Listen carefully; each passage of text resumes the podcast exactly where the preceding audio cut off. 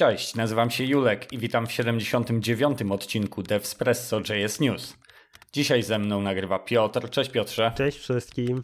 No, to co ciekawego w tym tygodniu się wydarzyło? A właściwie to w dwóch, bo pozwoliliśmy sobie nie nagrać przed przerwą, która się odbyła przed chwilą. Na pewno mamy do opowiedzenia o nowym Node. O, racja. Dochodzą rzeczy związane gdzieś tam powiązane z nowym Reactem 18, o którym wielokrotnie wcześniej wspominaliśmy. Tutaj chodzi dokładnie o React, Redux w wersji 8.0. Aha. Profile prywatne na GitHubie. Mhm. Webstrapping, a dokładnie o jego legalizacji. O tym, że właściwie to jest taki język fajny, co to się nazywa JavaScript i właściwie to on jest wszędzie, nawet w MS-DOSie. Okej, okay, no to zdaje się, że mamy sporo informacji. Jedziemy. Devspresso. Newsy przedstawi dzisiaj Julek i Piotrek. W tym tygodniu zaczniemy od tego, że mamy nową wersję Node'a. Jest to Node w wersji 18. W tej chwili przedstawiony, przedstawiony i wydany jako wersja Current. Za pół roku powinien zostać zmieniony w wersję LTS, która będzie miała support do 2025 roku. A zmian mamy w tym sporo. Patrzyłeś na changelog? Ja patrzyłem na changelog. No i co, na, co najciekawsze? Jedna najciekawsza rzecz. Brak notefetcha jako paczki. Bardzo dobra odpowiedź. Tak. Główna zmiana. I to ostatnio się po raz kolejny na tym złapałem, robiąc pro, projekt w Node, nie? E, już myślałem, że wprowadzili, a to się okazało, że tak, jest w Node 18 jako eksperymental. No i właśnie, ja też jestem zawiedziony. Zapowiedzi były, że to po prostu wejdzie, ale to dlatego właśnie jest w eksperymentalu, bo teraz będzie to pół roku, gdzie mam nadzieję, że przed LTS-em to po prostu zostanie wprowadzone do Kora, nie? Tak, dokładnie. To by było idealnie. To prawda, ja też bym wybrał informację o fetchu jako pierwszą, a druga to to, że dodali również test runner module, również w eksperymentalu na ten moment. Import testów y, z Node'a trzeba zrobić from node dwukropek test. To jest informacja specjalnie, że package ma być zaciągnięty z Cora, a nie do środowiska klienta, jak gdyby, że to jest odseparowany element. No i testy piszemy tak jak testy piszemy, ale świetne jest to po prostu, że zintegrowali w końcu narzędzie z, z całym środowiskiem, no nie? Tak, tak, to jest w ogóle cudowne. No jakby cały ten toolchain się, się nam powoli zmienia e, w -hmm. Node i, i fajnie, że, że to jest. Dużo też tam przygotowań pod kolejne wersje, nie? I też zmiany w związku z, ze zmianami w Chromium i, i w V8. Mhm. Więc tutaj mhm. tych zmian jest naprawdę, naprawdę odrom. No i nie, nie wiem, czy warto aż je tak wszystkie stricte omawiać, no bo nie każdy będzie zainteresowany o, chociażby nie, nowym API do lokali, jakim jest e, INTL Local. On już był, tylko są improvementy, o tak. Tak, no tutaj tylko V8 została podbita, więc pojawiła się metoda na przykład find last i find last index na arrayach Właśnie ten lokal, co wspomniałeś. Tak, to w ogóle ten update bardzo mi się podoba, bo jest taki. Um, wszystkie te rzeczy są bardzo potrzebne i bardzo używalne, nie? Tak. Więc to jest super. No, ale to tyle na ten temat. 18 już dostępna. Należy się przełączać ze swoimi zabawkami. Dokładnie. Co tam dalej, Piotrze, w tym tygodniu? E, to tak jak przez ostatnie tygodnie wspominaliśmy o tym, że React 18 nam wchodzi pod, pod strzechy do projektów, no i takie jak na przykład Next.js, pomimo że wspierają Reacta 18, nadal jest mnóstwo błędów. No i to samo było z e, React Reduxem, czyli tymi tak naprawdę połączeniami z Reduxem na Reactie. Były z nim problemy jeszcze w poprzedniej wersji, wyszła wersja 8.0, spowodowała, że jest kompatybilna z Reactem 18 i mhm. jest to o tyle fajnie, że główna, główny poziom zmian, jaki zrobili, to jest taki, że przepisaliśmy wszystko na TypeScript, więc nie potrzeba oddzielnego dependencji, jakim jest Types React Redux. I dzięki temu mhm. y, to pozwoliło na to, żeby trochę te typy też przygotować pod React 18, bo one się pozmieniały.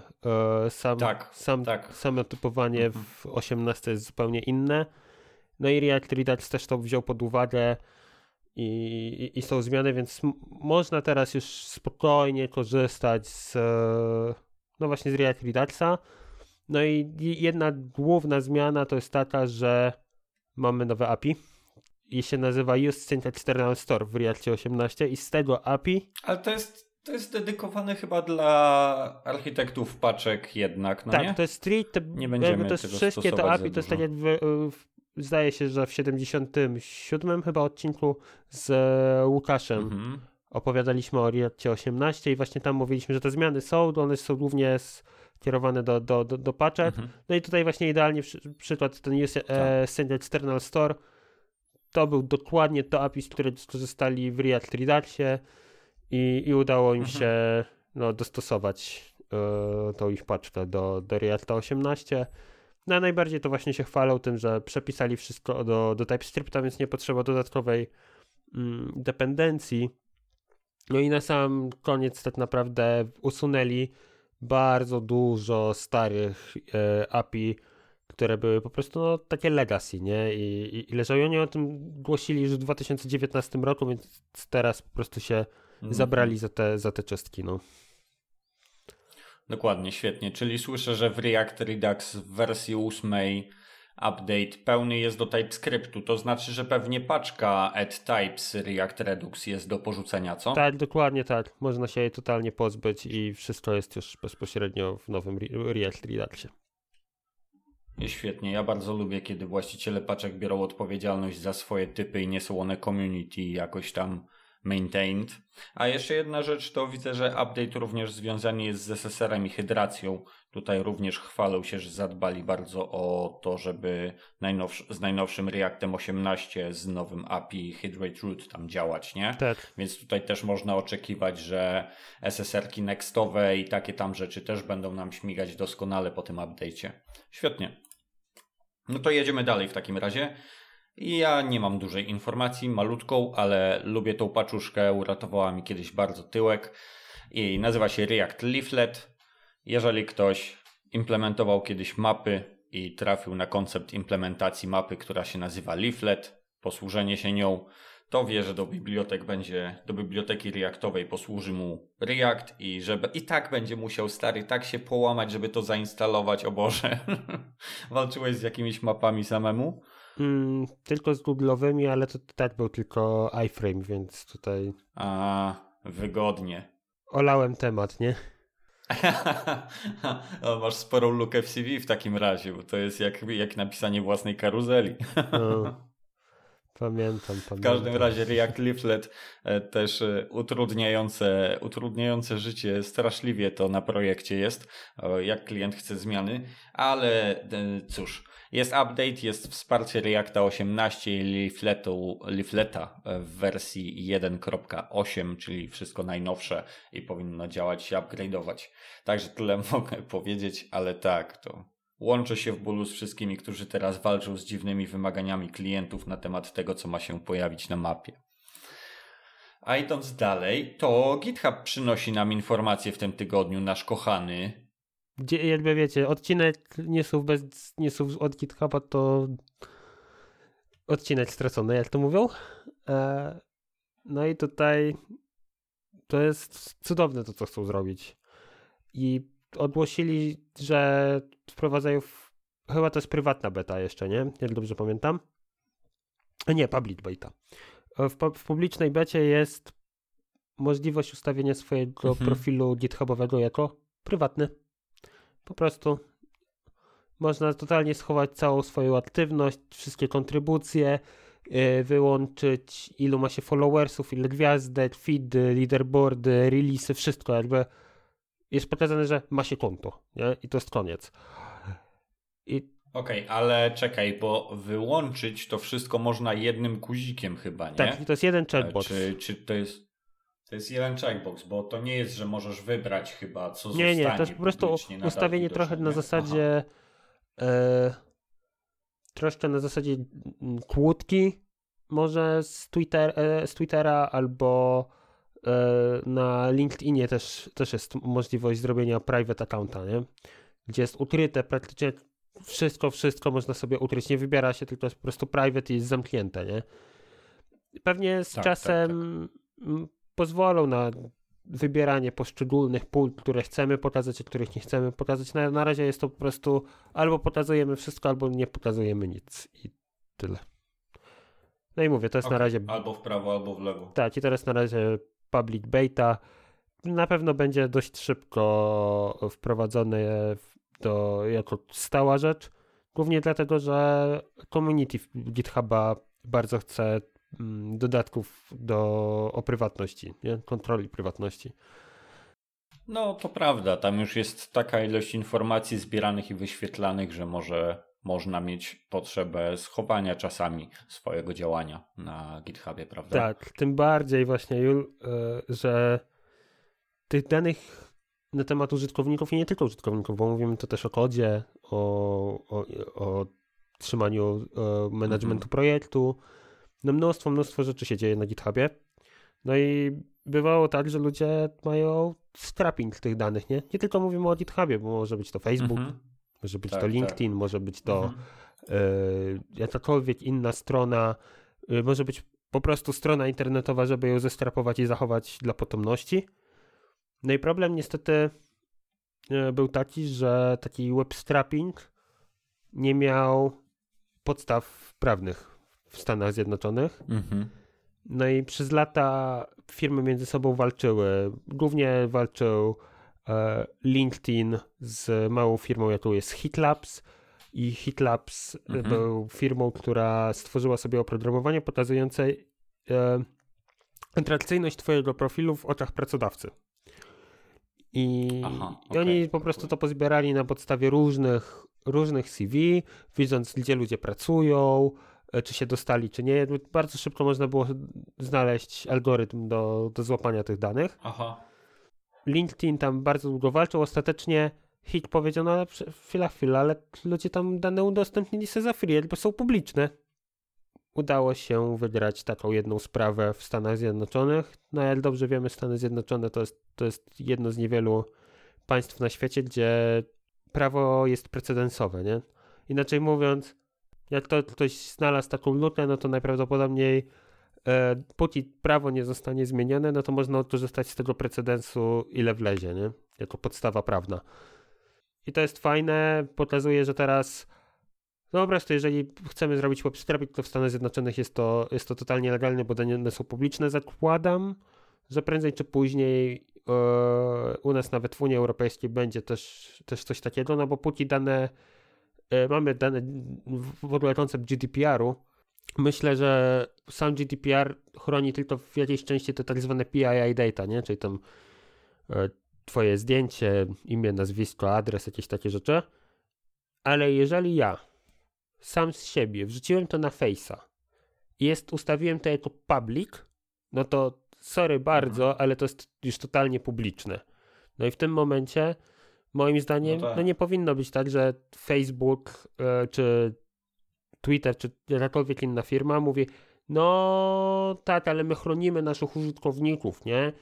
I nie wolno, nie wolno zabierać tego. No sorry, jakby człowiek sam sobie je upublicznił, no. Więc można jest zrobić tych danych sam. To prawda, z tym upublicznianiem bardzo często na Twitterze, tak jak powiedziałeś, obserwuję, że raz na jakiś czas jakieś fale, fale botów, które kradną konta, że tak się wyrażę, się pojawiają. No bo licz się z tym, że jak coś upubliczniasz, to jest to publiczne. I okazuje się, że twitterowe konta, tak się śmieję oczywiście, bardzo łatwo ukraść i ktoś jest w stanie kontrolę i głupoty pisać, wrzucić bo po prostu odpowiedzialność właściciel chciałby jednak wymazać z historii więc pojawia się pozwanie bota, prawda? No, no dokładnie. Więc moim zdaniem tutaj taki web strapping ciężko będzie go e, zamknąć w, w, ramach, w ramach jakiegoś prawa, więc moim zdaniem mm, powinno to być zrobione na zasadzie GDPR. Jasne, firma ma zrobić tak, żeby na przykład by default wszystkie dane, które są PII były e, prywatne, nie? I w momencie, w którym użytkownik jasno, klarownie powie, tak, ja chcę, żeby ta konkretna dana była publiczną, w tym momencie yy, firma pozbywa się jakby yy, prawa tego, tego związanego z prywatnością yy, wobec, wobec użytkownika, nie? No bo użytkownik sam zdecydował, że tak, to jest public, możecie to strapować ile wlezie. Ciekawy case. No i też jeżeli to zostało, jeżeli w końcu ten temat komuś przeszkadzał i zostało, i pojawia się jakiś ruch w konkretnym kierunku, no to Znaczy, że zmierzamy do organizacji tego tematu. Spoko. No, dokładnie tak. To teraz ja może opowiem Ci ciekawostkę ze świata walki z algorytmami, słuchaj. Śmieszna akcja się wydarzyła w Indonezji. W Dżakarcie dokładnie, w stolicy. Kto wie, ten wie, to jest duże miasto. Aglomeracja szacuje się ponad 10 milionów i strasznie gęsto zaludniona. I z tego co się orientuję, zabawa polega na tym, że to miasto nie do końca jest przyjazne, jeżeli chcesz po nim chodzić. Tam niespecjalnie są chodniki, wszędzie jeździsz skuterem albo ktoś cię podwozi. I do podwożenia służy apka, która nazywa się Gojek, bo ta apka jest właściwie e, monopolistą na rynku i obsługuje gigantyczne ilości przejazdów. I teraz słuchaj, akcja jest taka, że kursy, jakie możesz wziąć, e, apka podpowiada ci w oparciu o AI decyzje, jakie podjąłeś wcześniej, nie? W związku z czym zaczęły się pojawiać problemy z tym, że z czasem zaczyna wiedzieć więcej i zaczyna podpowiadać konkretne, konkretne rodzaje jazd i konkretne rodzaje zarobków przez to. I okazało się, że kierowcy zaczęli wpadać w dziury tego AI. No i w związku z tym pojawił się rynek na ludzi, którzy przejmują twoje konto na jeden, dwa dni i cię wykopują z niego, bo podejmują decyzje po prostu przeciwko AI-owi i się specjalizują w tym, że odblokowują konta ludzi, którzy mają z tym problem. Czaisz to? Grubo. Nie, to... Czyli to jest taka typowa walka antysystemowa tylko dlatego, bo ktoś jakby Tak. ktoś chciał zrobić, żeby było fajnie i dobrze i, i łatwiej zautomatyzować, tylko zapomniał o tym, że AI potrafi być mądrzejszy w którymś momencie i tego już się nie da skontrolować. Wow. Tak, tak. Ludzie zaczęli mieć problemy z jazdami i to jest tak, że ktoś przejmuje twoje konto i ci je maksuje i po tym jak on pojeździ na nim chwilę, zaczynasz dostawać po prostu dużo lepsze oferty. Więc też ciężko jest, wiesz, nie korzystać z takich możliwości prawdopodobnie, no nie? To też kształtuje rynek trochę, no ale sytuacja jest walka z algorytmem de facto. Grubo, grubo. Ciekawe news, naprawdę cieka ciekawie, że coś takiego tam się, tam się stało. No, y, chciałbym powiedzieć, że w od, odcinku 79 Devspresso padła pierwsza informacja na temat wojny ludzi z komputerami. To się odbywa w Dżakarcie obecnie, koniec kwietnia 2022. Tak, Skynet, nie? No, to ja tak mówisz o tym Skynecie, to w firmie Terminator to jeszcze, w tym pierwszym Terminatorze to jeszcze był taki fajny system, on się chyba nazywał MS-DOS e, i w ogóle systemy DOSowe. Mm, DOSy. Nie? Mhm. No i Tak, swego tak. czasu w historii mówiło się, że jest taki fajny język, on się nazywa Java i jego za zadaniem jest mm, proste, jakby motto było proste. Write once, run everywhere. I to był ten slogan, Mhm. który z jednej strony zadziałał, ale bardziej jest jako write once, debug everywhere. Bo nie zawsze, nie zawsze niestety Java odpali się tam, gdzie ma się odpalić, poprawnie. Za to, jak się okazuje, jest inny język, który całkiem nieźle sobie radzi z e, tym sloganem i się nazywa JavaScript i my z niego na co dzień korzystamy. Bo korzystamy z niego w Node, korzystamy z niego w e, naszych przeglądarkach internetowych, piszemy aplikacje mobilne pisząc w React Native, piszemy aplikacje desktopowe korzystając z Electrona. To teraz możesz sobie napisać skrypt DOSowy w JavaScriptie, bo jest do tego engine, który się nazywa JSH. I, I po prostu jest engine'em, normalnie jakby napisanym programem w C, który odpala pliki JavaScriptowe i wystarczy mu odpalić plik jsh.exe, podać mu na wejściu Tak. na argument e, pierwszy plik JavaScriptowy i dalej Aha. ewentualnie, jeżeli mam jakieś dodatkowe już argumenty w tym JavaScriptie, no to to argumenty, nie? Okej, I to działa. Okej, interpreter JavaScriptu na, na, Na DOSa. DOS, DOS-based systems, tak? Na DOSy, DOSowe systemy.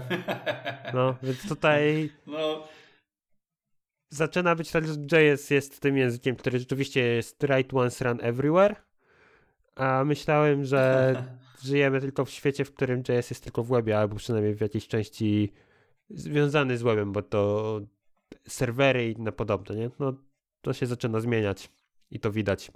No, wiesz co, to, to jest trochę jako żart napisane, a z drugiej strony. Nie, nie, nie, to nie jest. To jest właśnie ciekawostka. To nie jest napisane jako żart. To jest. A nie, nie, nie, czekaj, bo daj mi skończyć myśl. Chodzi mi o to, że nawet jak tworzymy żarty jako programiści, to to są i tak działające, sprawne rzeczy, no nie? A to, że ktoś postanowił napisać interpreter JS-a na systemy DOSowe, to uważam za doskonały żart i prawdopodobnie jest to jednocześnie dobre narzędzie. Tak, jakby to może z tej perspektywy jak najbardziej. Ja bardziej myślę, że ktoś całkiem nieźle zna, zna JS-a, pewnie zna całkiem nieźle C i stwierdził, kurde, to C to jest upierdliwe i niepotrzebne, bo ja chcę napisać -hmm. prosty skrypt, który na przykład będzie mi zmieniał nazwę, e, nazwę plików w konkretnym folderze w DOSie, nie? No i w JS-ie -hmm, to bym -hmm. napisał to, kurde, w 15 linijkach, nie? No to, to sobie napisałem wielki interpreter, który mi odpali JS-a, nie? W 15 linijkach. Więc tak to. Ale interesujący temat. To ciekawe zawsze, jak podejmują takie tematy programiści i decydują się je zbudować. To tak jakby spróbować zbudować wizualizację pączka 3D w terminalu trochę. Ćwiczenie, tak. ćwiczenie dla rozrywki i przyjemności, ale i jeden i drugi projekt byłby tak samo przyjemny do zrobienia. Tak, w ogóle ciekawostka jest taka, że żeby to odpalić, to trzeba mieć procesor 80 386 to był taki fajny procesor Motorola, jak dobrze pamiętam, który miał 4, bajt, 4 MB RAMu. Okay. Rekomendowane jest użyć Pentium Class Machine e, z minimum 8 MB RAMu, nie? Żeby móc wczytać sobie do tego RAMu kawał. 8... Ale 8 megabajtów, musi być. 8 megabajtów. 8 megabajtów RAMu to Chandler we Friendsach mówił o swojej maszynie. No. On miał 8 megabajtów RAMu. No dokładnie, więc tutaj nieźle, naprawdę nieźle. Super, szapoba, świetnie, ciekawy koncept. Dobra, w tym tygodniu to chyba wszystko. Czy mamy coś jeszcze może ciekawego? Ode mnie to wszystko. No to świetnie. Z mojej strony to również są wszystkie informacje, które wyłapałem, które przyniósł e, świat JavaScriptu i warto było Wam przedstawić. Jest to ostatni odcinek, który wydajemy przed majówką, e, ponieważ wydajemy go 26 kwietnia, a w przyszłym tygodniu wtorek wypada jeszcze w trakcie majówki, więc się nie spotkamy. Życzymy Wam miłego wypoczynku słońca. Wiemy jak jest w maju, no nie, Piotrze? Bywa różnie, czasami pada śnieg. No właśnie, życzę, żeby grille udało się uruchomić, prawda? Tak, tak, jak najbardziej. sam już mam chętkę na taką, taką dobrą kiełbaskę z grilla z. No, już niedługo, już niedługo. Także miłego, spokojnego wypoczynku. Do usłyszenia w następnym odcinku. Cześć. Cześć.